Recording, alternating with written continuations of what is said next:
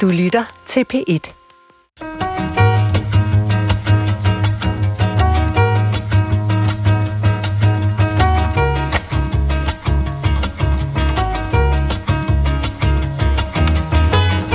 Vi er nødt til at have et fælles sprog, vi mødes på, og det dur ikke, at det er engelsk. Dansk, det er vores modersmål. Så nogle af de andre partier, de vil hellere være globale, eller synes, det er noget værre crap.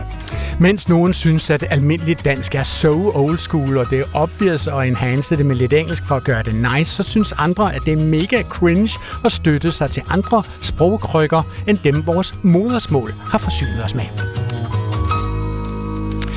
For det emne, som vi får allerflest spørgsmål om her på Klog på Sprog, er, hvor meget engelsk der tales i dansk. Lyttere skriver til os om engelsk som nærmest sådan en slags invasiv art, som bjørneklo eller klitroser, og kun trylletrolle i blå kideldragter med buskryder og flammekaster kan gøre noget ved det.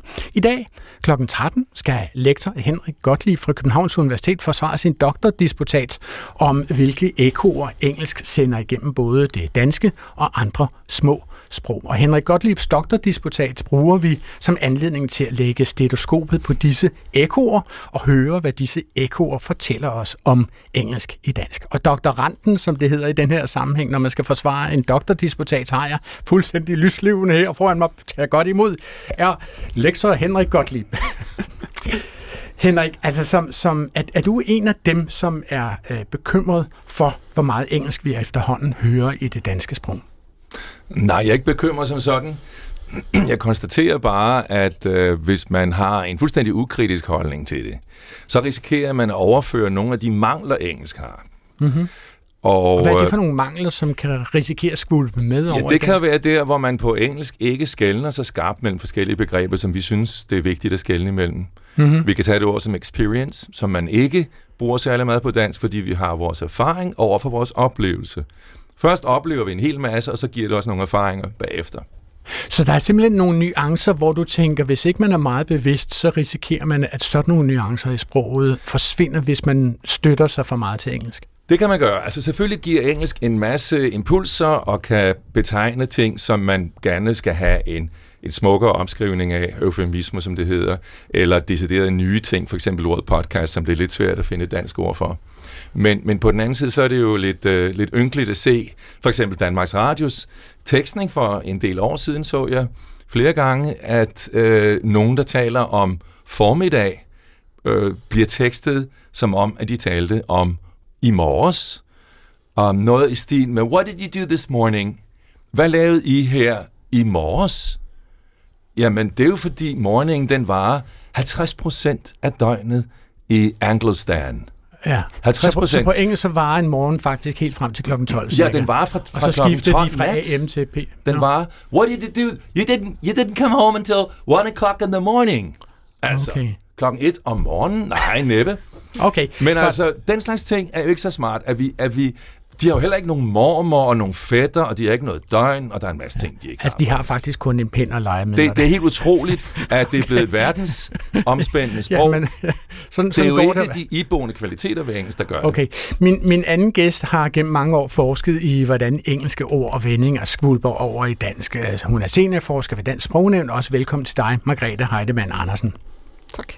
Margrethe, øh, hvor, hvor meget eller hvor lidt skal man tage med i betragtning, når man taler om engelsk indflydelse på dansk? Altså, kan der være engelsk indflydelse på dansk, uden at man sådan decideret siger engelske ord i det, man siger? Det kan der godt. Øh, altså Henrik Gottlieb øh, taler om, om pragmatiske lån, at, at der også er, at vores kultur også bliver påvirket af det engelske. Øh, så det er ikke bare ordene øh, som sådan. Der kan også være noget sådan mere underliggende i sproget, øh, men det jeg primært har beskæftiget mig med, har været ordene og udtryk. Okay. Hvor, hvor, så hvornår har man nogle ordsammenstillinger på dansk, som i virkeligheden er direkte oversat fra engelsk? Altså, der er nogle få eksempler. Det, man ofte nævner, det er sådan noget med venlig skå til gate, sådan og sådan. Det plejer vi jo ikke at sige på dansk. Det er den engelske sætningsstruktur, ja, der smitter igennem gate. på den ja, ja. danske. Ja. Okay. Hvad, hvad med sådan nogle ord som øhm, altså drivhuseffekt, eller øh, er, er, er, er det i virkeligheden på en eller anden underlig måde et lån fra engelsk? Det kommer så an på, hvordan man definerer, hvad der er lån fra engelsk. okay, og det er jo så det, der er det interessante, fordi man skældner mellem forskellige typer lån. Øh, okay. Der er de direkte lån, som vi har fra engelsk computer, er et oplagt eksempel. Og så er der dem, vi oversætter som drivhuseffekt. Øhm, og der er det jo så spørgsmål om, må man betragte det som en engelsk lån, eller man siger, det er Ja. danske ord, vi har sat to danske ord sammen. Ja. Og Altså, den definition synes jeg simpelthen, vi skal tage her i radioen, Margrethe. Okay. Øh, så, så vi vender tilbage til den. Min sidste gæst er seniorredaktør på det Danske Sprog- og Litteraturselskab. Også velkommen til dig, Henrik Lorentzen. Tak. Henrik, nu spørger jeg dig, altså både som sprogforsker og som privatmand, er, Mhm. mm. er, er du en af dem, som ærger sig over, at vi bruger meget engelsk på dansk? Som privatperson, så kan Nå, jeg godt... okay, jeg skulle have stillet to spørgsmål måske. Ja, ja, altså som, som privat Henrik, så kan jeg godt ærge mig lidt og, og, og undre mig øh, nogle gange, når du, du havde et par eksempler i din introduktion, og sådan det er obvious og den slags, og, og mine børn og deres kammerater siger jo også gerne, at, at, at maden, øh, det her brød, det skal være crisp, og det her, det skal være moist, og, og den slags ting, øh, og for øvrigt er også awesome, eller sådan noget, ikke? Ja. Og, og der kan jeg jo så godt som privatperson tænke, hvorfor bruger de ikke udmærket danske ord? Øh, Henrik sagde før, øh, ynkelig, øh, der siger man jo ofte i dag patetisk. Også et lån fra engelsk Er det øh, i, i den betydning. Men jeg bemærkede, Henrik, at du sagde ynkelig, og det kan være, at det var med overlæg.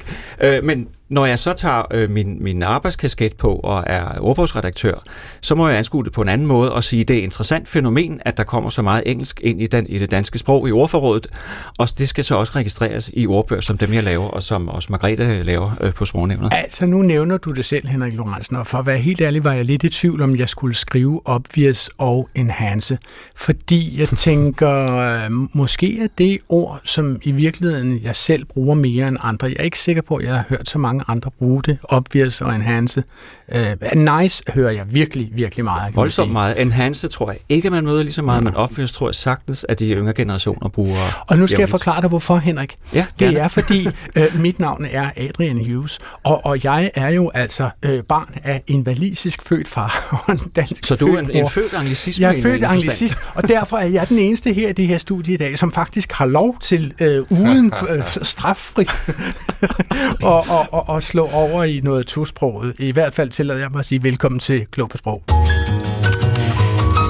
Skuespilleren Asger Reher øh, var den 25. september i aftenshowet i DR1 og fortalte om sin frustration over, hvor meget han synes engelsk fylder i det danske sprog. Der skal jeg bare hilse at sige, at aftenshowet lagde, lagde efterfølgende et lille klip ud af det her på Facebook, og det er i talende stund blevet set af op mod 3 kvart million øh, danskere, eller br- br- internetbrugere, klikkere, eller hvad vi skal kalde dem. Det har fået 18.000 likes, og i tråden under det har der samlet sig 2.000 kommentarer. Det er bare for at sige, det her er virkelig noget, som optager kolossalt mange mennesker. Nu kan jeg høre lidt af, hvad Asger Reher sagde i aftenshowet. Jeg synes, det tager overhånd øh, med det engelske, som kommer. Man kan sagtens være moderne i sproget øh, og alligevel bevare det danske. For eksempel, når du bestiller noget på nettet, uanset hvad det er, click and collect, i stedet for klik og hent. At det er så nemt at gøre til dansk. Øh, det forfalder, når, når, når ord, danske ord glider væk øh, til fordel for ord, som vi glimrende kunne oversætte til vores egen danske. Man kan jo sige, at Asger Reersen rider lidt på den samme bølge, som privat Henrik Lorentzen jo også rider på, ikke? at man at bliver sådan en lille smule småirriteret. Men, men, men der er jo meget i det, som Asger Reer siger her. Men lad os prøve at indkredse. Altså, hvorfor irriterer det Asger Reer og så mange andre, som har kommenteret på det her øh, Facebook-opslag? Hvorfor irriterer det, lad os sige, kan jeg sige, os så meget? Hvad siger du, Margrethe? Jeg tror, at, at jeg, jeg synes, der er virkelig mange ting at sige til det. Øh, For det første, så skal man tænke på, at, at øh, en ting er, hvad man ser og hører, for eksempel i fjernsynet. Noget andet er, hvad der sker, når man læser en avis eller læser et ugeblad. Fordi de undersøgelser, jeg har været med til, de viser faktisk, at der er ikke så mange engelske ord, som man tror. Nå. Når man lægger mærke til dem, de springer i øjnene. Øh, men, Så altså, hvis først de er der, så fylder de ligesom det hele? så fylder de, øhm, og man skal tænke på, at der er rigtig mange af de her engelske ord, som, som vi ser, som bliver brugt, og så forsvinder de igen. De undersøgelser, jeg har været med i, viser, at det er de samme ord, der ofte går igen, der bliver brugt rigtig meget. Mm-hmm.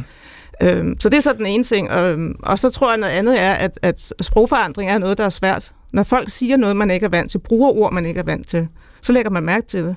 Så, så er, vi, er vi generelt altså konservative i forhold til vores sprog? Og, og, og er, er vi generelt på vagt over for at se sprog brugt på nye måder? Henrik Gottlieb.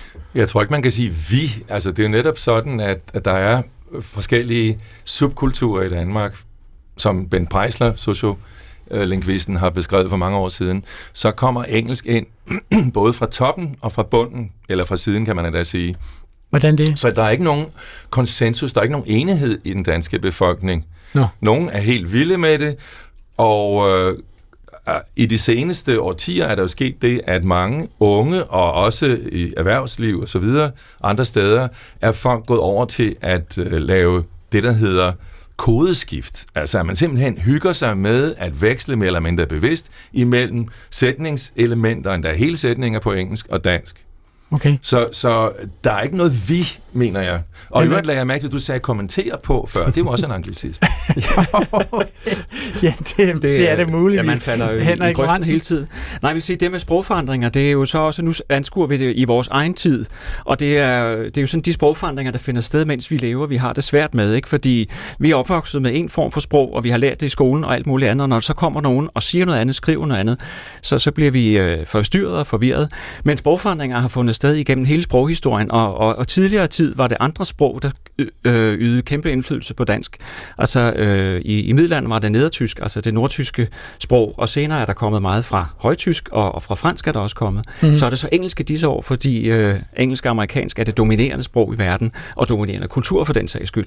Så, og, Så- og når du siger disse år, så er det disse tilfældigvis de sidste 120 år? Eller sådan Ah, ikke så mange. Jeg tror, man skal man plejer gerne, det kan I andre måske øh, bekræfte, cirka for efter 2. verdenskrig. Øh, fordi tidligere var det altså andre sprog, øh, Øh, tysk og fransk. Okay, hvorfor er det lige akkurat efter 2. verdenskrig, at, at, at vi begynder at suge så meget engelsk til os?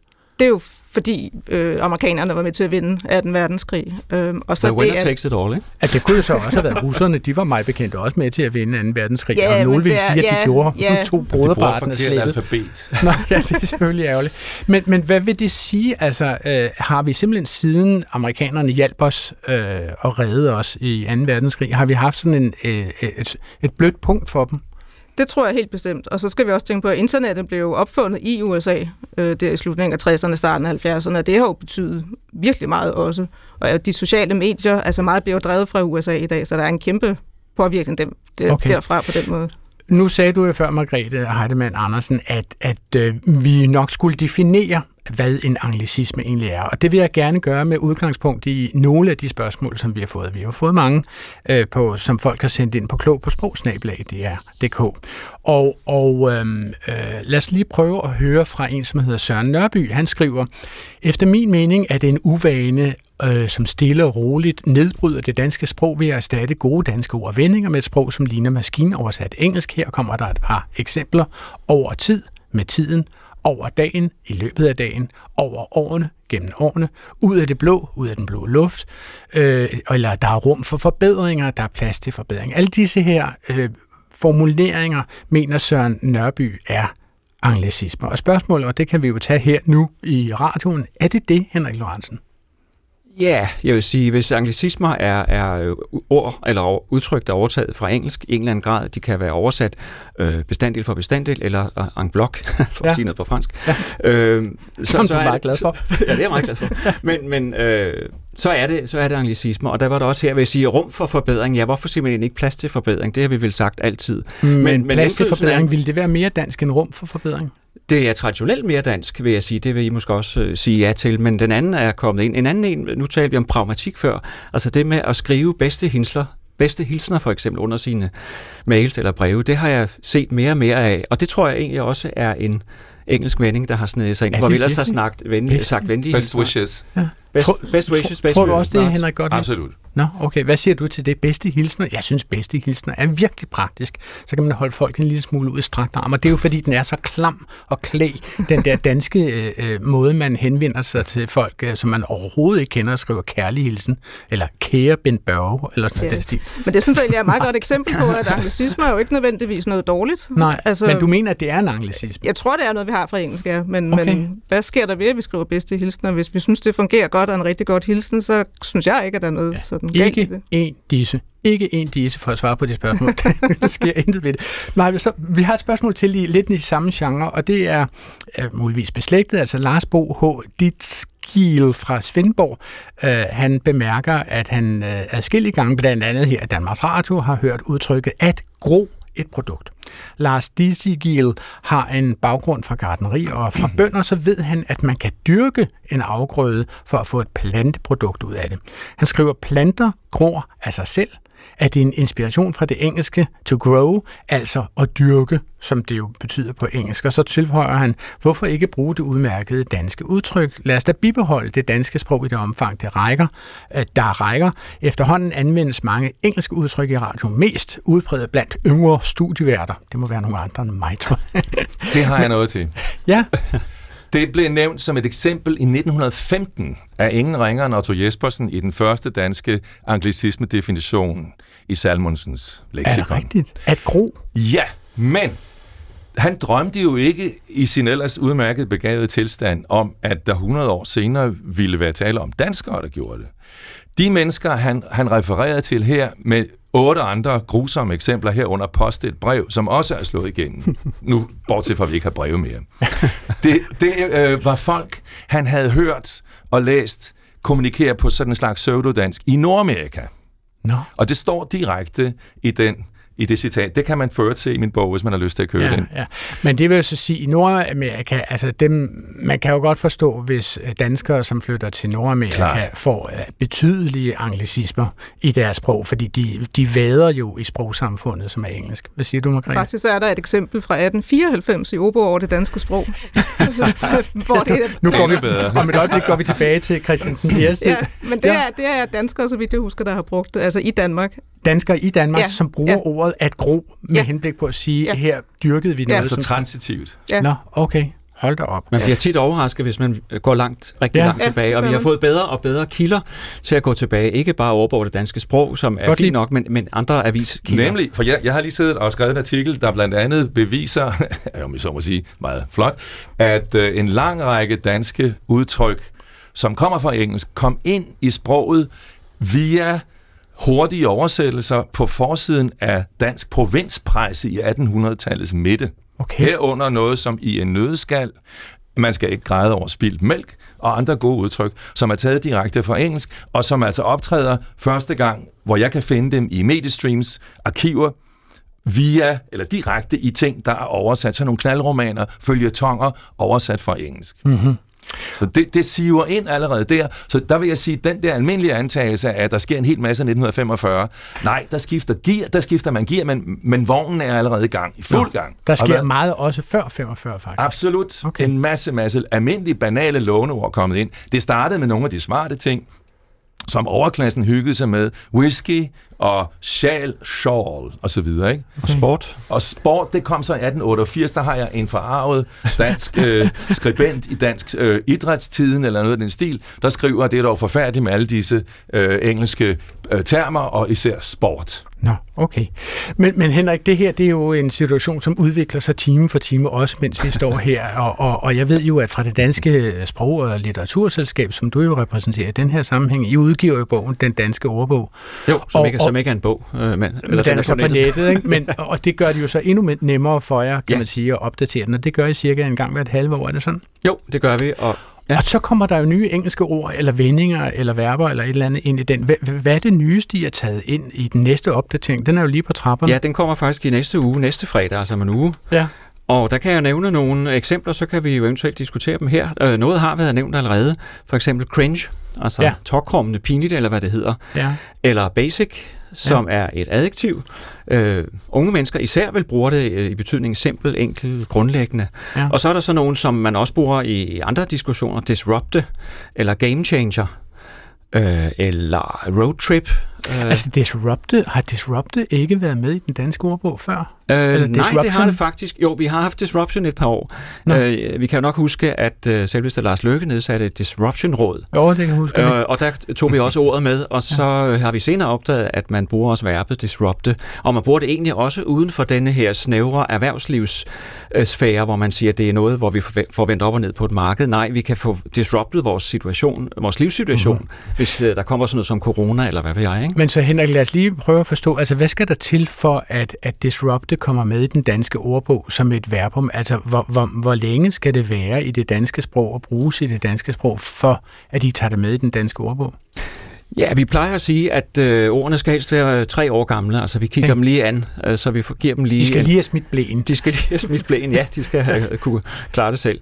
Øh, og så skal man også, måske, i hvert fald udbredelse. Det er vigtigt med udbredelse. Mm. Og så efterhånden kan vi også begynde at se på, om ordene begynder at få dansk bøjning. Hmm. Øh, Hvad eventuelt, vil det sige, at det var dansk bøjning? Ja, altså for eksempel disrupte øh, bøjer vi så som et almindeligt dansk verbum. Øh, jeg disrupter, jeg disrupted, jeg har disrupted. Nå, Okay. Så, så der bruger vi det almindelige grammatiske system til at håndtere øh, de lånte ord. Og det er jo sådan et tegn på, at de er integreret i en eller anden forstand. Okay, altså så kommer jeg i tanke om ordet computer, som vi også har Ja. nævnt før. Altså, vi siger jo ikke computers, som vil være den engelske flertals Nej, øh, det-. Vi siger computere. Computer siger vi på, på øh, Valby øh, engelsk, Ja, sagt, ja. og det er også et godt tegn på, at ordet er velintegreret. Okay. Jamen altså, øh, sker det tit, at, at engelsk simpelthen præger dansk grammatik på den måde? Altså går ind og rykker på dansk grammatik, når øh, vi har engelske låneord, eller nu kalder jeg dem låneord, de er muligvis permanent. Ja, det, øh, vi kan godt iagtage nogle træk, og det kan være, at I andre også kan supplere her. Øh, det, nu nævnte du, sagde du computers med et meget tydeligt engelsk flertals S. Det flertals S kan også godt snige sig ind og sætte sig på, på gamle danske ord. Nå, Øh, nogen har registreret, at man siger flere fifs, for eksempel. okay. øh, og det er fordi, ellers ville hedde flere fif, og så ved man da egentlig ikke, om det er ental eller flertal. Så der importerer vi ikke bare engelske ord, der importerer vi sådan set engelsk grammatik. Jo, og, og hvis man så er nervøs for dansk, så kan man måske sige, nu, nu bliver det rigtig slemt, fordi nu er det selve sprogsystemet, der er under pres. Nu er det ja. ikke øh, enkelte ord, øh, som måske ikke vælter noget læs, men hvis det kommer ind og, øh, og gør noget ved vores sprogsystem, så kan man blive nervøs. Altså hvis man er nervøst anlagt, ikke? Ja, men og er vi det? Altså, er vi bange for, at det simpelthen også kan forstyrre vores grammatik? Altså, jeg, er, jeg er ikke, i hvert fald, fordi jeg tænker, at det stadigvæk er krusninger på overfladen. Vi kan Ja. ja. se nogle få eksempler, så må vi selvfølgelig holde øje med, om, om det er noget, der breder sig. Men jeg tror ikke, altså der er ikke ret mange af de flertals'er, der vil komme ind i, i retskrivningsordbogen, for Ja. eksempel. Og jeg tror ikke, at det er sådan, altså i skønlitterære bøger og i aviser, tror jeg ikke, man finder ret mange af de flertals'er. Okay. Nej, vi har vel også på, på de engelske lån, altså, Altså- flere, flere hotdogs og så videre, ikke? Der det, skal meste, de jo. Det mest, øh, hvis man endelig synes, det er noget særligt problem, at der kommer så meget engelsk ind i dansk, så er det meste øh, af de der, som du siger, overfladefægtninger eller, eller små krusninger, de er jo ikke så væsentlige. Det, der er væsentligt, det er, hvis det er det engelske-amerikanske tankesæt, vi får ind. For eksempel det her dating-begreb, det havde man sgu ikke, da jeg var ung. øh, og, Nej, I faldt slet og, ikke dertil, og hvad dertil hører, ikke? Og tænk i øvrigt på, hvor rigt engelsk er. Altså, hvis jeg siger, do you have a date? Det betyder måske endda, øh, har de en dadel? Eller du har vel ikke en dato? Eller har du en kæreste? Altså, der er jo ikke så mange ord i engelsk, som folk tror. Det må okay. man lige huske. Det er jo aldrig nogensinde bevist, at engelsk skulle, skulle være større end for eksempel fransk eller dansk. Okay, jeg tager lige et lytterspørgsmål til. Altså Knud Jespersen fra Bedre har set sig ond i sulet på spørgsmålet, hvad tænker du om? Og svaret, jeg tænker at. Han, han påpeger, at den her tankevirksomhed har erstattet alle andre nuancerede måder at tænke på, øh, eller at forholde sig til en problemstilling. Han skriver, øh, derfor det er simpelthen rudet fra troet med ordene mene, synes, tro, ansage, formode, forvente, overveje, vurdere, frygte, håbe. Ja, man kan jo tænke på mange måder åbenbart, ikke? Knud Jespersen øh, synes, det er en skam, at de her mere præcise varianter forsvinder fra vores sprog, og så spørger han os, om det kommer fra det engelske I think, eller, og så kommer han med et andet alternativt forslag, at det kunne jo også øh, øh, komme fra det jyske at tænker. Hvad skal vi sige til det, Henrik Lorentzen? Ja, nu skal jeg jo passe på med ikke at indlede med at sige, jeg tænker, men at finde et øh, mere tænksomt alternativ. Ja, det jeg er spændt. Ja, nemlig. Så jeg siger slet og ret. Jeg mener, det er rigtigt, at den nye variant tænke, den er mindre forpligtende, som, som lytterne er inde på, end den traditionelle. Okay. Øh, end de traditionelle alternativer. Så vi, hvis man kun tænker noget, så er det ikke tid blevet til en holdning endnu. Det er ikke et synspunkt, man kan gøre sig ansvarlig for. Så dermed er det inde i en, en, en, en tendens måske i, i sproget, man kan kalde vaghed i sproget. Man har behov for at udtrykke sig lidt vagt, lidt uklart, som hvis man siger ligesom, eller hvis man bruger de små, de små adverbier nok, måske vel, og så videre, sådan for at bløde op på de ting, man siger. Og, og så er der den, øh, den jyske hypotese, den er måske meget sjov, øh, at, at øh, hvis man tror lidt på det med, med stereotyper, at, at så øh, for, for, forpligter man sig mindre, så siger man ikke for meget, hvis man er jyde. Okay. Henrik Gottlieb, hvad tænker du om det her? Jeg synes jo, man må konstatere, at, at vi har fået en ny måde at markere holdning på, eller usikkerhed. Og hvis det er sådan, at den bare kommer oven i bunken af alle de andre udmærkede udtryk, synes, mene og tro osv., så, videre, så er det jo helt fint. Problemet er bare, hvis folk har den der lemmingeragtige effekt ligesom det nogle gange præger tøjmode og så videre, at nu skal vi alle sammen sige og tænke, så, så ryger der jo noget. Men må ikke, der indfinder sig en, en øh, fase senere hen, hvor, hvor folk øh, husker de andre igen. Okay, det kan man håbe på. Fordi øh, jeg vil gerne ind øh, på din doktordisputat, Henrik Gottlieb. Altså i den doktorafhandling, som du forsvarer her øh, i eftermiddag, øh, så skal du jo blandt, du har jo blandt andre ting undersøgt danske børnenavnes inspirationer fra den engelsktalende verden. Ikke? Øh, er, vi, er vi sådan overordnet set, Henrik, øh, gladere for engelske børnenavne nu, end vi har været før? Ja, det er en rigtig interessant historie, og hvis folk vil høre mere om den, eller læse mere om den, så vil jeg desværre henvise til bogen. eller din doktor... Uh, ja, dit, dit eller de skal bare møde op om lidt her på Københavns ja, Universitet. Præcis. Der er jo fri adgang ja, i den udstrækning, at der ikke kommer mere end 160. Ja. Men, men i hvert fald, det der er interessant ved de engelske navne, er jo, at vi startede med at have nogle rige, velhavende købmænd i København og Helsingør, især af engelsk byrd.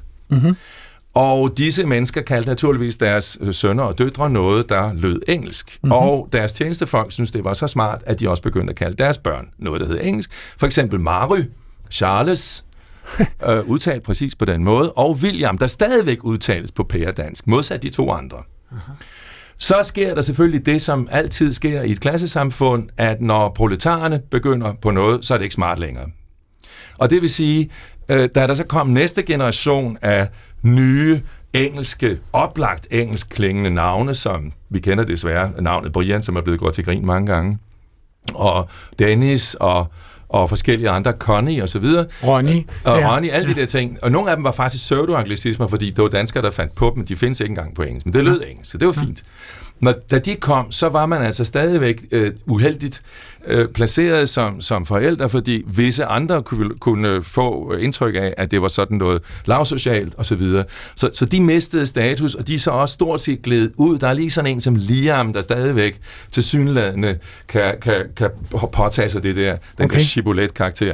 Men så kommer det interessante. Det er, at nu sagde den, du Chibolet-karakter. Hvad betyder det? det? Det er jo sådan et bibelsk udtryk, der betyder, at øh, det er noget, man helst ikke skal sige, for øh, hvis man gør det, så afslører man, at man ikke tilhører det bedre borgerskab, eller hvad man nu gerne skal tilhøre. Og, og det var derfor, den danske kulturverden blev helt chokeret, da de fik en kulturminister, som hed Brian. Ja, det skal han. Han skal bare holde sig til sin pølsevogn, og han skal ikke begynde at være fin.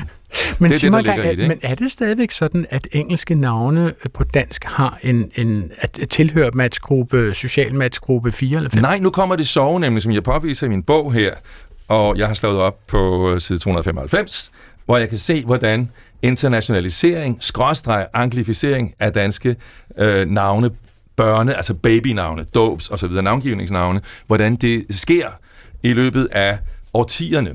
Okay. Og jeg har lavet det med en farvekode, som viser, at de 10 mest populære navne i de første par årtier af den 20. århundrede, de er pæredanske. Der er vi med Erik, Jørgen, Ole og Hans osv., og, og på pigesiden, der er det Kirsten Marie og Hanne og altså nogen. Okay. Men langsomt, nu skal jeg gøre det kort, langsomt i løbet af århundredet og frem til 2015, som er mit sidste femårstal, der kommer der flere og flere internationale navne ind af typen Michael Thomas Martin mm-hmm. på den ene side, af typen Christina, Louise osv. på den anden side, og til allersidst kommer der de navne ind, der måske ikke ser engelsk ud, og netop ikke har den der uheldige øh, Brian-karakter, men smarte navne, som borgerskabet herhjemme og andre pæne mennesker gerne kalder deres drenge, for eksempel William, nummer et, og nummer to er Noah, nummer tre øh, Lukas og så videre. Så er der lige en Emil. Den er meget svensk, uh-huh. sandsynligvis. Og, og Noah er...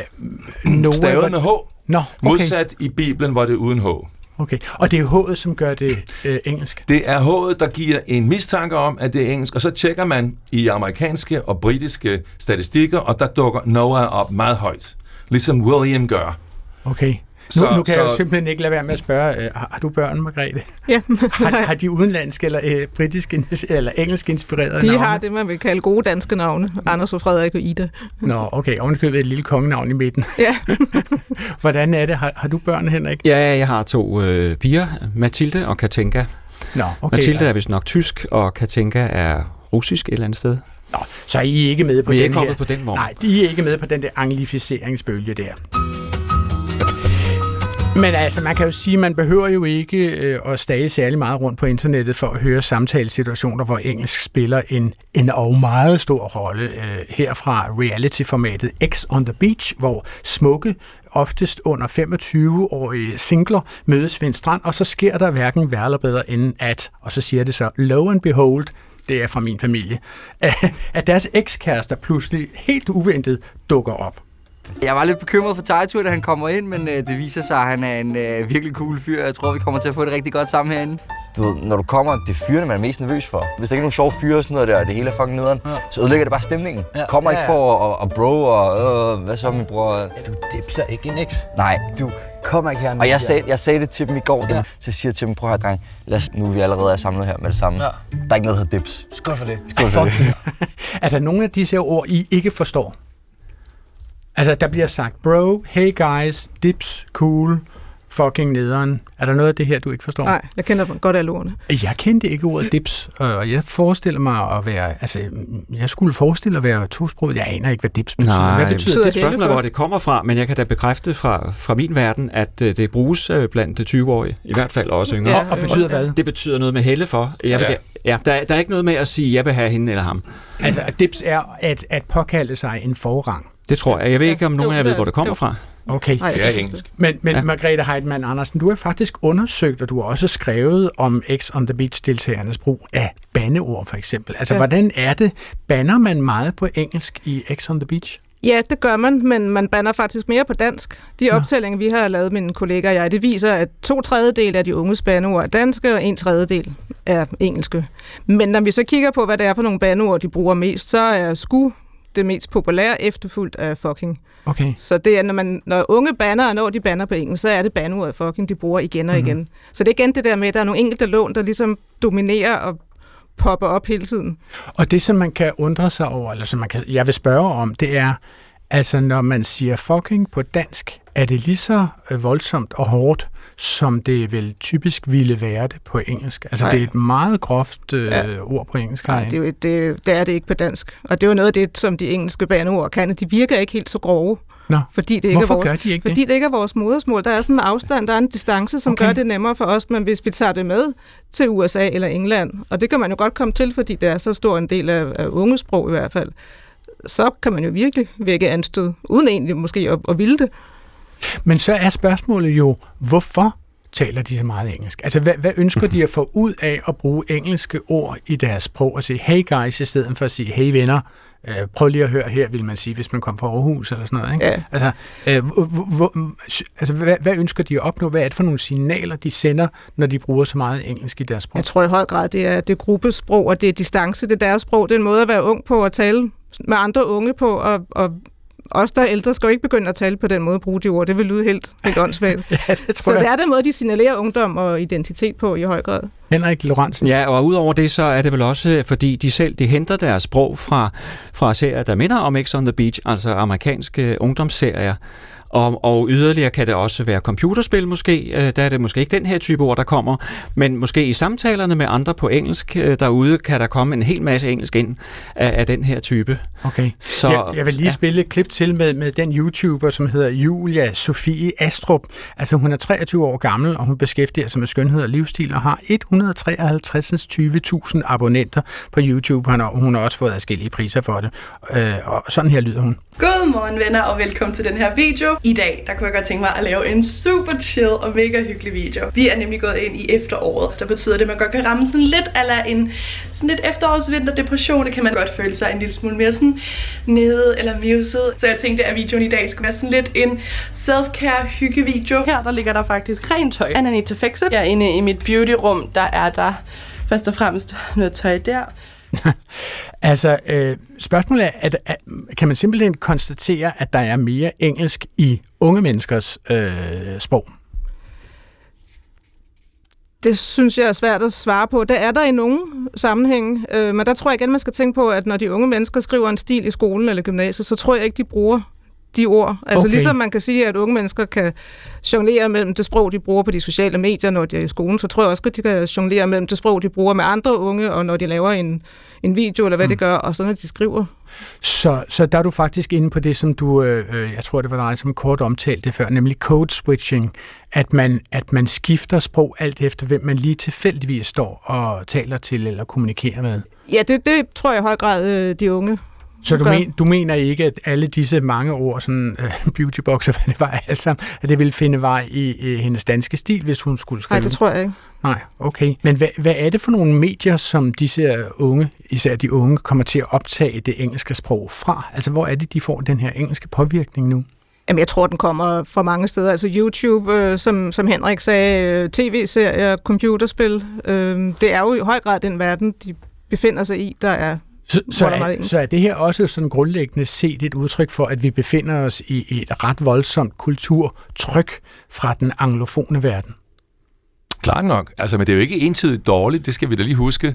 Altså, hvad skulle de danske ordbøger gøre uden anglicismer? Så øh, kunne de kun optage alt så mange ord, ikke? Okay. Fra nu af. Altså, jeg har, jeg har her en Så havde oversigt. Henrik ikke noget at lave. Jeg har, jeg har her en oversigt over øh, nogle eksempler på det her.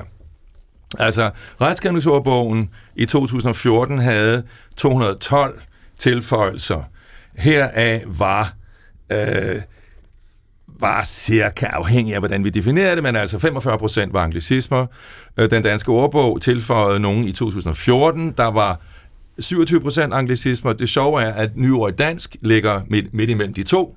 Den øh, i 2017, der er den op på 42 procent anglicismer, og Nørby Jensens lille bog, hvor han illustrerer nye, interessante ord i dansk, der er han op på 67 procent anglicismer af de, øh, af de ord, han, han til sammen altså har samlet til denne her interessante bog. Ud, ud fra sin, øh, sine definitioner. Ja, ja, men altså, lad, os- lad os bare være ædruelige og sige, at vi ligger omkring 40 procent af nye ord i dansk Så som kort sagt, Henrik Lorentzen fra det Danske Sprog- og Litteraturselskab, du ville være arbejdsløs, hvis ikke vi havde dette kolossale influx af engelsk. Det er en, påstand. Du lytter til Klog på Sprog, hvor vi undersøger, i hvilket omfang engelsk sætter sig af sit mærke på det danske sprog, og hvorfor det sker, hvad vi kan gøre ved det, om vi overhovedet skal gøre noget ved det. Øh, Jeg har besøg af Henrik Gottlieb, lektor ved Københavns Universitet, som om føje minutter øh, forsvarer sin Ph.D. om anglicismer, og af Margrethe Heidemann Andersen, som er seniorforsker ved Dansk Sprognævn, og af Henrik Lorentzen, som er seniorredaktør ved det Danske Sprog- og Litteraturselskab. Henrik, øh, lad os gå tilbage til den doktordisputat, som du forsvarer her klokken 13. Som altså ikke er en Ph.D. Den har jeg forvejen. Undskyld, sorry. Det er en doktordisputat. Det er den gode gamle doktorfil, ja. det var- øh, Jeg er ikke akademiker, og kender derfor ikke forskel på en Ph.D. og en doktordisputat. Men det gør jeg nu, og de næste cirka 13 sekunder. og så Okay. kommer jeg til at lave fejlen igen. Men altså, den doktordisputat, som du forsvarer senere i dag, øh, den hedder jo Echoes of English, og, og det handler jo altså om ekoer, som engelsk sender igennem små sprog, som for eksempel det danske. Og så sammenligner du jo også med, hvordan engelsk har spredt sig i et tilsvarende lille sprog som det danske, nemlig afrikaans. Ja. Det øh, oprindeligt hollandske sprog, som, som øh, deres efterkommere bor og, og kolonister, eller hvad vi skal kalde dem, som de taler i, i Sydafrika. Må jeg spørge, hvad får du ud af at sammenligne øh, engelsk i dansk med, hvordan engelsk øh, gnaver sig ind i afrikaans? Der er nogle store, interessante fælles områder, kan man sige, fordi der har været høj prestige omkring det engelske sprog i Sydafrika i 200 år. Og i hele apartheidperioden fra 48 og frem til midten af 90'erne, der var de to sprog, øh, hvad skal vi sige, de havde det, der på engelsk hedder cohabitation, altså de holdt hinanden ud, Mm. mm. fordi de holdt de andre ude.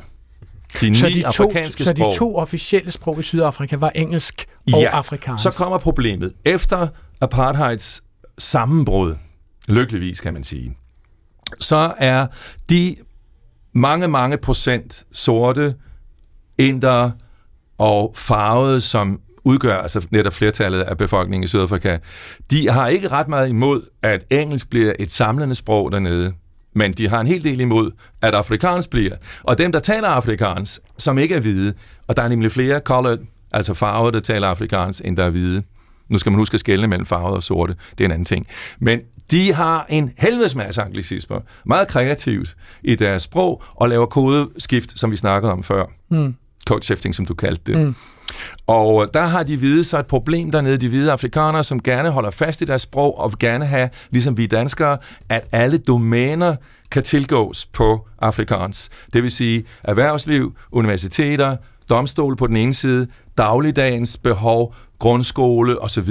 Altså hele samfundet Medier, faktisk. hele samfundet. Og det er lidt et, lidt et problem, fordi engelsk er så sindssygt dominerende i Sydafrika. Ja. Og øh, de har lidt dårlig samvittighed, nogle af de her mennesker, fordi de ligesom var på, på, den, på den the bad guys side ja, der. På den tabende i, i mange, side på den tabende side, brutale i side. mange år. Ikke? Ja. Men det, der så er interessant, er, at vi allerede i 30'erne finder mange vidnesbyrd fra sydafrikanske, altså afrikansktalende sprogforskere, om nogle af de samme fænomener, som vi på godt og ondt har set i dansk, især i de sidste 20-30 år. Det, det er lidt det, der er min pointe med bogen, og som udgør øh, hvad skal vi sige, grunden for, for et meget stort kapitel i bogen. Et enkelt eksempel, som følger op på noget af det, vi sagde før, er, at øh, for eksempel udtaler man ord, som aldrig har været engelske, på engelsk. Nå, fordi man tror, ord? de er engelske. Et, et ord som for eksempel uh, junior får et j, øh, som indledning, og man har også på dansk nogle af de samme eksempler faktisk fra unik, øh, burde det hedde, hvis man var lidt krukket, øh, galofon. Øh, unik hedder det på normal straight dansk, men unik hedder det på moderne dansk, fordi man tror, det er engelsk. Og pointe Men- er et uh, tilsvarende eksempel. En pointe, en ja. pointe, som vi har fra fransk oprindeligt. Ja, og jeg har hørt det pointe. latinske En pointe, ord, ja. det latinske ord respit, som folk ikke forstår, det bliver udtalt som respid. Selvfølgelig. Eller måske med et stumt til med respi. Ja, ja, men hvis der er noget, vi ikke forstår, så er det nok engelsk, og så sætter vi som sagt før et flertals S på. Men i hvert fald, bortset fra det her, de her små ting, det har jo været enormt vigtigt for afrikans at hævde sig, øh, og afrikans befolkning dernede at hævde sig som en, en minoritetsgruppe, og det problem har vi jo slet ikke i Danmark. Der er det Men jo, der er jo dansktalende, der er majoriteten. Men hvad er det for nogle erfaringer fra afrikanernes, nu sagde jeg afrikanernes med dobbelt, tredobbelt A, ikke? Ja. Øh, hvad for nogle af deres erfaringer som et belejret sprog, som jeg tror, vi må kalde det, ikke? Øh, kan man overføre på danskernes øh, erfaringer på deres sprog? Altså man kan overføre den erfaring, at det ikke nytter noget at være purist. Nå. Og altså prøve at bekæmpe med, med næb og klør. Det, der så sker, hvis, hvis man får held med det, vi kan se lidt det samme i Island, det er, at man så sidder tilbage som en lille elite, der har det mere eller mindre rene sprog, og, og resten føler sig enten fuldstændig øh, ligeglade, eller føler sig fortabte måske, og har øh, lige så mange anglicismer og andre fremmedheder i sproget, som, som de vil have alligevel. Så der er altså ikke nogen der, der er ikke nogen vej frem, hvis det er sådan, at vi har et dominerende sprog, og det har vi haft tidligere med tysk. Husk på, at cirka en fjerdedel af de danske ord er tyske, men det er måske kun en tyvendedel, der er engelsk oprindelse. Altså jeg ved tilfældigvis, at det første danske udenrigsministerium hed simpelthen det tyske kontor, det tyske kancelli. Ikke? Mhm. At vi havde, vi havde ikke vores, vores vi, vi kiggede ikke andre steder hen end syd for grænsen. Nej, nu kan du bare tage udenrigs. Det er jo Außenreich. Okay. Øh, det er jo ikke noget foreign. Det er ikke det, det forene ministerium, vi har. Så man kan ikke være og bør ikke være purist. Nej. Godt. For Henrik Gottlieb nævnte jo også tidligere, at, at øh, den engelske indflydelse både kommer, jeg tror du sagde, det kom både fra siden, men det kommer også nedefra, det kommer også oppefra. Og nu er jeg lidt spændt på, om I synes, at det, det eksempel, jeg vil spille for jer nu, om det er noget, der kommer oppefra. Altså, der er jo en del forskellige sammenhæng, hvor engelsk af forskellige årsager er meget hyppigt forekommende. For eksempel kan man nævne start-up virksomheder, som jeg siger med et engelsk ord. Altså, øh, det er jo virksomheder, som leder efter risikovillige investorer, og dem kalder de, øh, det kalder de for venture capital. Man møder dem meget ofte i tv-programmet Løvens Hule. Der er kun Pandora. Okay. Altså største Så synes jeg ikke, du skal benchmarke dig op mod den, når du ikke har bevist noget som helst endnu. Nej, fair nok. Så ikke fordi jeg, hvis jeg må bruge mit eget udtryk, kigger på canvas. Det er vi slet ikke stærke i. Har du så forberedt en webshop i mellemtiden? Har du lavet, lagt en ny salgsstrategi? Vi, vi vendte ligesom vores strategier til en corona var ikke så længe. Der findes et godt udtryk, der hedder execution is everything. Ja. Der er også en, der hedder don't scale it till you nail it. Det er jo faktisk sjovt, du lige netop skulle bruge det. Ja. Fordi jeg synes jo faktisk, at du har nailet det meget godt. Du har lavet et super fedt produkt. Jeg er vild med det. Men jeg kan ikke scale it, for vi har jo ikke økonomien til det. Altså, er, er der nogen af jer her, som har et bud på, hvordan det kan være, at engelsk er så prævalent i den her branche? Hvad vil du svare til det, Henrik? Lorentzen? Det, ja, det er nok, fordi det, de vil gerne være internationalt orienteret. Meget af, af det foregår med internationale impulser, internationale relationer, globalisering osv., så, videre. så jeg tror, det absolut spiller ind der. Måske læser man nogle, øh, nogle teoretiske værker, man taler med kolleger, som har de her ord i deres øh, sprog. Ja, alle milliardærer skriver jo en bog om, hvordan de tjente den første ja, million. og det øh, kunne være rart at gøre dem ja. kunsten efter måske. Så øh, jeg tror, det har, har meget med det at gøre, og igen kan vi jo konstatere, at det, ja, man kan jo komme til at lyde som en sur gammel mand, og det vil jeg helst ikke, men altså, øh, hvorfor skal man sige scale i stedet for skalere? Så vil jeg sige perish the thought. men, men altså, Henrik Gottlieb, hvad, vil du mene, at det her er sådan noget sprog, som kommer oppefra og ned, eller kommer det fra siderne, eller kommer det nedefra og op? Ej, eller? det må man sige er oppefra, fordi okay. det er jo øh, erhvervslivets top, eller i hvert fald dem, som er wannabes i, i den branche. Så det er helt oplagt, at der, de opfatter i hvert fald selv, at de har prestige, og der er masser af unge mennesker, som, som øh, følger dem, kan man sige. Det interessante er netop, at der er ikke nogen væsentlig subkultur i Danmark, og har ikke været det siden krigen, der har noget som helst anden sproglig impuls end engelsk. Mm-hmm. Der er ikke noget... Oh, der er en lille smule arabisk, lidt tyrkisk i noget gadeslang. Der ligger lidt kodeskift der også, osv. Men det er i hvert fald bunden. Så der er hverken side eller top i andre sprog. Fransk er latterligt og gammeldags. Selv diplomatiet har op. De har det dårligt med fransk i EU, selvom Storbritannien har forladt det. Tysk øh, er kedeligt, og tysklærerne er dumme, og grammatikken er svær, og det gider vi heller ikke. Og så videre. Der, og der er jo ikke fordi, at man he, heller elsker russisk, kinesisk øh, eller svensk, for eksempel. Mm. Det, er Nej, det, er jo, det er jo kun sådan, det er jo drypvise lån, vi har fra alle de andre sprog der. De, ja. har, de har tit at gøre med, med mad og drikke, for eksempel. Nemlig. Fordi vi får øh, noget, noget nyt mad og drikke, når vi er ude at rejse, dengang vi rejste. Ikke? Ikke? Men, så, så fik vi det blandt andet ind der, ikke? Men når der så er så mange, øh, som er så bekymrede for det her, muligvis ikke det her tilstedeværende, øh, i hvert fald ikke professionel Henrik, privat Henrik er det muligvis, men, men, men er det så fordi, at der også er en bekymring for en eller anden form for kulturimperialisme? Altså synes man simpelthen, at, at det er et kulturelt overgreb, at engelsk skvulper over i dansk? Hvad tror du om det? Margrethe? Det tror jeg bestemt. Jeg tror, der er en sammenhæng, at, at man frygter lidt det store USA, og da vi havde Trump, var der måske mange, der frygtede det USA, han stod for. Mm. Og hele den påvirkning, der så kom der, at, er måske i virkeligheden den, man stejler lidt over. Så, så ordene bliver jo naturligvis forbundet med den kultur, de kommer fra.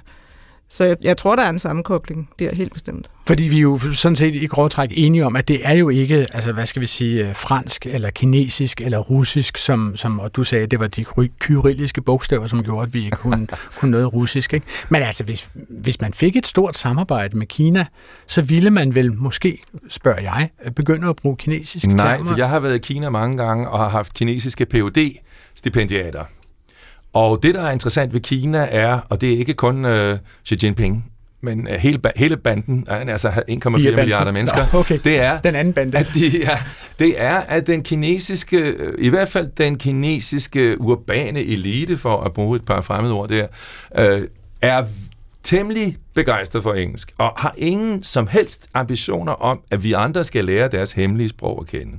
Nå, det passer de det måske godt. meget godt, at de det kan diskutere nogle ting. Ja. At de der 1,4 milliarder sådan, i fortrolighed har, hvad de selv kalder et sprog, men som jo i virkeligheden, ifølge almindelig europæisk definition, er mange sprog. Ja. Men de har fælles skriftsprog, således at når de ikke forstår, hvad hinanden siger, så kan de forstå, hvad hinanden skriver. Okay. Så frygter man en imperialisme, så er det ikke en kulturimperialisme, men så er det en økonomisk imperialisme? Absolut. Det er der, det er der. De skal nok lære engelsk. Og de hygger sig ved, at de dumme amerikanere ikke kan skid kinesisk. Hmm. Og den, der kan flest sprog, vinder jo. Ja, nu spillede jeg jo øh, klippet med Asger Rea i aftenshowet i begyndelsen af den her udsendelse. Der vil jeg sige, jeg siger med vilje ikke i starten af den her udsendelse. Det var flot. ja, det er fordi, jeg er jo også meget opmærksom på disse ting. Ikke? Nå, altså i begyndelsen af den her udsendelse, for at fortælle, hvor stor den her offentlige interesse er for sagen. Ikke? Og så kan jeg så hilse at sige, det optager jo også politikere voldsomt faktisk. På, på den internationale modersmålsdag den 21. februar sidste år, der troppede TV2 op på Christiansborg og talte med de indfødte der, det er jo politikere, om deres forhold, om anglicisme i dansk. Og nu kommer der en spoiler alert. Altså, Blå Blok vil efter eget udsagn meget gerne holde engelsk indflydelse ude i videst mulig udstrækning, men Rød Bloks Mathias Tesfaye får rodet sig ud i en ret kompliceret argumentation i det følgende.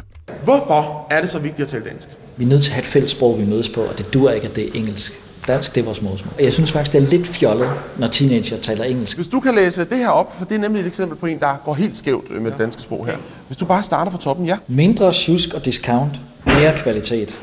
Du har lige stået og sagt, at vi skulle stoppe med at bruge alle de engelske ord. Jamen det her, discount, et discount supermarked, det der, det der er almindeligt dansk begreb i vores generation. At discount er okay. Det må bare ikke være unge engelske ord. Jamen, det her det handler om, at jeg elsker mursten og et hus, der er blevet bygget i Vejle, og jeg synes, det er fint at bruge et ord som discount, fordi det hører til min generation. Det er de andre, den er gal med. Ja, til hans generation. Ja, ja, præcis. Ikke? Altså, altså, er- er det almindeligt i den her diskussion, at man stusser over andres brug af fremmede gloser, og faktisk nærmest overhovedet ikke ser, hvad man selv har af, af fremmede gloser? Ja, jeg tror, man er, man er jo til, man er tilbøjelig til at opfatte sit eget sprog som det rigtige, og så er det de andres, der stikker ud, hvis de gør det. Og discount, ja, det, det har det heddet i nogle generationer, så derfor kan han ikke rigtig synes, der er noget galt med det. Øh, Men han kunne jo foreslå ordet lavpris, for eksempel. det kunne han sagtens, og det findes også, men det bruges måske ikke lige så meget. Det Men det, men det store spørgsmål er jo selvfølgelig, om, om andre kunne foreslå ordet lavpris. Altså, der, der findes jo politik, der findes jo sprogpolitik, og du nævnte jo islændingene, Henrik Gottlieb. Mm. Ikke? Altså, jeg ved, at i, øh, på Island, der kalder man en computer for en tølva. Altså, nu skyld mig, hvis jeg, jeg har sikkert udtalt det helt forfærdeligt. Der vil være øh, medarbejdere på dette program, som skyder mig, når jeg kommer ud af studiet her. Men altså, T-Ø-L-V-A. Ikke? Og det er simpelthen et ord, de har opfundet, fordi det er en kombination af en tal vølve. Og en vølve er jo, som vi alle ved, en troldkvinde, som kan det hele på den halve tid. Og øh, en computer, må man så forstå, er en, en maskine, som kan noget med tal og bearbejdning. Ikke? Og, og franskmændene har jo en hel lov om det her. De kalder en computer for en ordinateur. Øh, altså ville man, hvis man besluttede sig for det, ville man kunne gøre noget tilsvarende i Danmark, tror du, Henrik Lorentzen? Det tror jeg bliver uhyre vanskeligt. Øh, dansk sprognævn, det kan du måske sige lidt mere om, Margrethe, er, er egentlig øh, ofte opfordret til at, at komme med afløsningsord, og det er ikke noget, man har dyrket ret meget, og det, og det virker sjældent. Altså ja, et enkelt eksempel, jeg kan huske, det var i stedet for aquaplaning, så foreslog Erik Hansen, øh, daværende formand, dækslip i stedet for. Mm-hmm. Og det er jo egentlig et, et ret godt ord, men øh, det slår bare ikke an. Men altså, hvorfor kører det meget godt for? Altså, franskmændene har jo simpelthen den her lov, som hedder Toubon-loven. Øh, den blev stiftet, eller øh, blev indsat, blev lavet i 1977, og den blev moderniseret i 1994. Og den går simpelthen ud på, at al engelsk skal udrenses fra reklamer, øh, andre medier, det være sig aviser, og sågar af brugsvejledninger. Man må ikke, og de har faktisk bøder og fængselsstraf for det. Jeg ved ikke, om de aktiverer guillotinen, men at det... Nej, den er jo afskaffet. men, men det lyder som det, der hedder drakoniske straffemetoder for det her. Altså, måske betyder det jo også, at det betyder mere for franskmænd, end det betyder for danskere åbenbart, eller hvad? Hvad tror du om det, Henrik? Du er jo at, også meget franskkyndig. Øh, jo, det er rigtigt. Øh, det har noget med at gøre med identitet øh, i et, et land som Frankrig, som, som, som var et stort land. Et, det var et kolonirige og det hele, og der er mange steder på jorden, man, øh, man taler fransk øh, som modersmål, eller som de tidligere kolonihavers sprog. Og nu nævnte øh, Henrik før, øh, at det kniber for diplomaterne, men tidligere var det diplomaternes sprog. Så det er noget med det prestigetab, der, Mm. der sker her. Altså, de kan se, at det bliver overtaget af engelsk, og så prøver man at kæmpe imod ved at, at foreslå det ene afløsningsord efter det andet, i stedet for de engelske. Men spørgsmålet er, hvor godt det virker ude i befolkningen. Det virker mm. måske nok meget godt de steder, hvor man skal følge regler, men, men øh, befolkningen selv, der kan det knibe. At nu hørte vi jo i begyndelsen af udsendelsen her uh, Skårup fra, fra Dansk Folkeparti sige, at der er nogle af de andre partier, hermed kigger han jo meget stærkt hen over øh, læsebrillerne på de radikale, som han jo bruger en, hver lejlighed til at have. Og så siger han, de ønsker at være globale og vil gerne derfor tale internationalt. Og så tilføjer han, men det synes jeg er noget crap. Og jeg ved ikke helt, om han er, om han er ironisk der, eller, eller hvad det er, han er. Altså, men, men har vi, tror du, Margrethe, at vi i Danmark har accepteret, at vi er et lille sprogsamfund, som skal øh, have den her øh, porøse øh, osmose med fremmede sprog? At vi ikke opfører os som franskmænd? Det tror jeg, ja. Men når man kigger på Norge, som jo også er et lille sprogsamfund, de har jo også en tradition for at være puristiske, ligesom islændingene har. Øhm, så der er noget med det danske klima. Altså, vi er ikke ret begejstrede for afløsningsord, og, og som Henrik sagde, så er det vores erfaring på sprognævnet, at, at hvis vi bliver spurgt direkte, kan I finde et afløsningsord for det her, altså en oversættelse, så gør vi det, men vi kan ikke komme ud og sige, nu skal I bruge det og det ord i stedet for det og det ord. Det, det fungerer ikke. Det har ingen gang på jord. Okay, godt. Vi kan lige nå et lytterspørgsmål her til sidst, og du var lidt inde på det, Henrik lige, fordi du sagde jo øh, det der med at kommentere på, eller sådan noget den stil, og det har vi rent faktisk et spørgsmål om fra Jørgen Elgaard, Fred, Elgaard Frederiksen fra Bagsvær. Han synes, at forholdsord på dansk øh, flyder simpelthen over det hele. Han nævner eksemplerne, han nævner eksemplerne, at nogen er upopulære blandt befolkningen, og han mener, at det hedder i befolkningen. Han skriver også, at nogen kan husere gaderne, men de burde jo husere i gaderne, og til sidst kommer så alle de der overflødige påer, hvor folk bliver bedt om at kommentere på, konkludere på, agere på og handle på. Han spørger, om det er engelsk indflydelse, Henrik Lorentzen. Det er svært at sige, om det er engelsk indflydelse alene. Det er nok et spørgsmål om, at, at det er et område, der er under forandring, og spørgsmålet er, om ikke det altid har været øh, under forandring. At det er forskelligt, øh, hvilke præpositioner, som vi fagfolk siger, øh, om, om forholdsordene, der, der bruges i de forskellige tilfælde. Jeg har undersøgt i, i vores korpustekster øh, fordelingen af de her forskellige forbindelser, og så noget som nysgerrig på, øh, det er øh, på vej frem. Tidligere hed det kun nysgerrig efter, øh, og det ser ud til, at nysgerrig på og nysgerrig efter er, er ved at være ligestillet. Derimod, forpligtelse på er slet ikke øh, på højde med nysgerrig, øh, forpligtelse til, som er langt foran. Mm. Så mhm. det er et område, der er under forandring, og vi kan ikke sige, hvor det ender. Okay. Det er godt, Henrik Lorentzen. Tusind tak. Det var, hvad vi kunne nå at bearbejde om engelsk i dansk i dag. Jeg siger tak til mine gæster, Margrethe Heidemann Andersen, seniorforsker ved Dansk Sprognævn, og til Henrik Lorentzen, seniorredaktør ved det Danske Sprog- og Litteraturselskab, og til Henrik Gottlieb, lektor ved Københavns Universitet, hvor Henrik om en time skal forsvare sin doktordisputats Echoes of English. God fornøjelse med det, Henrik.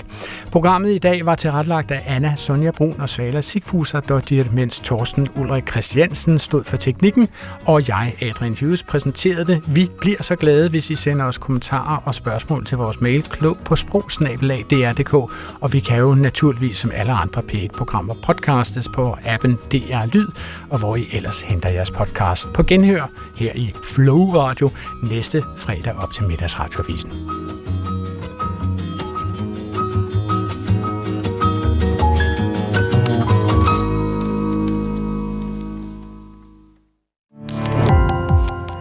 Gå på opdagelse i alle DR's podcast og radioprogrammer. I appen DR Lyd.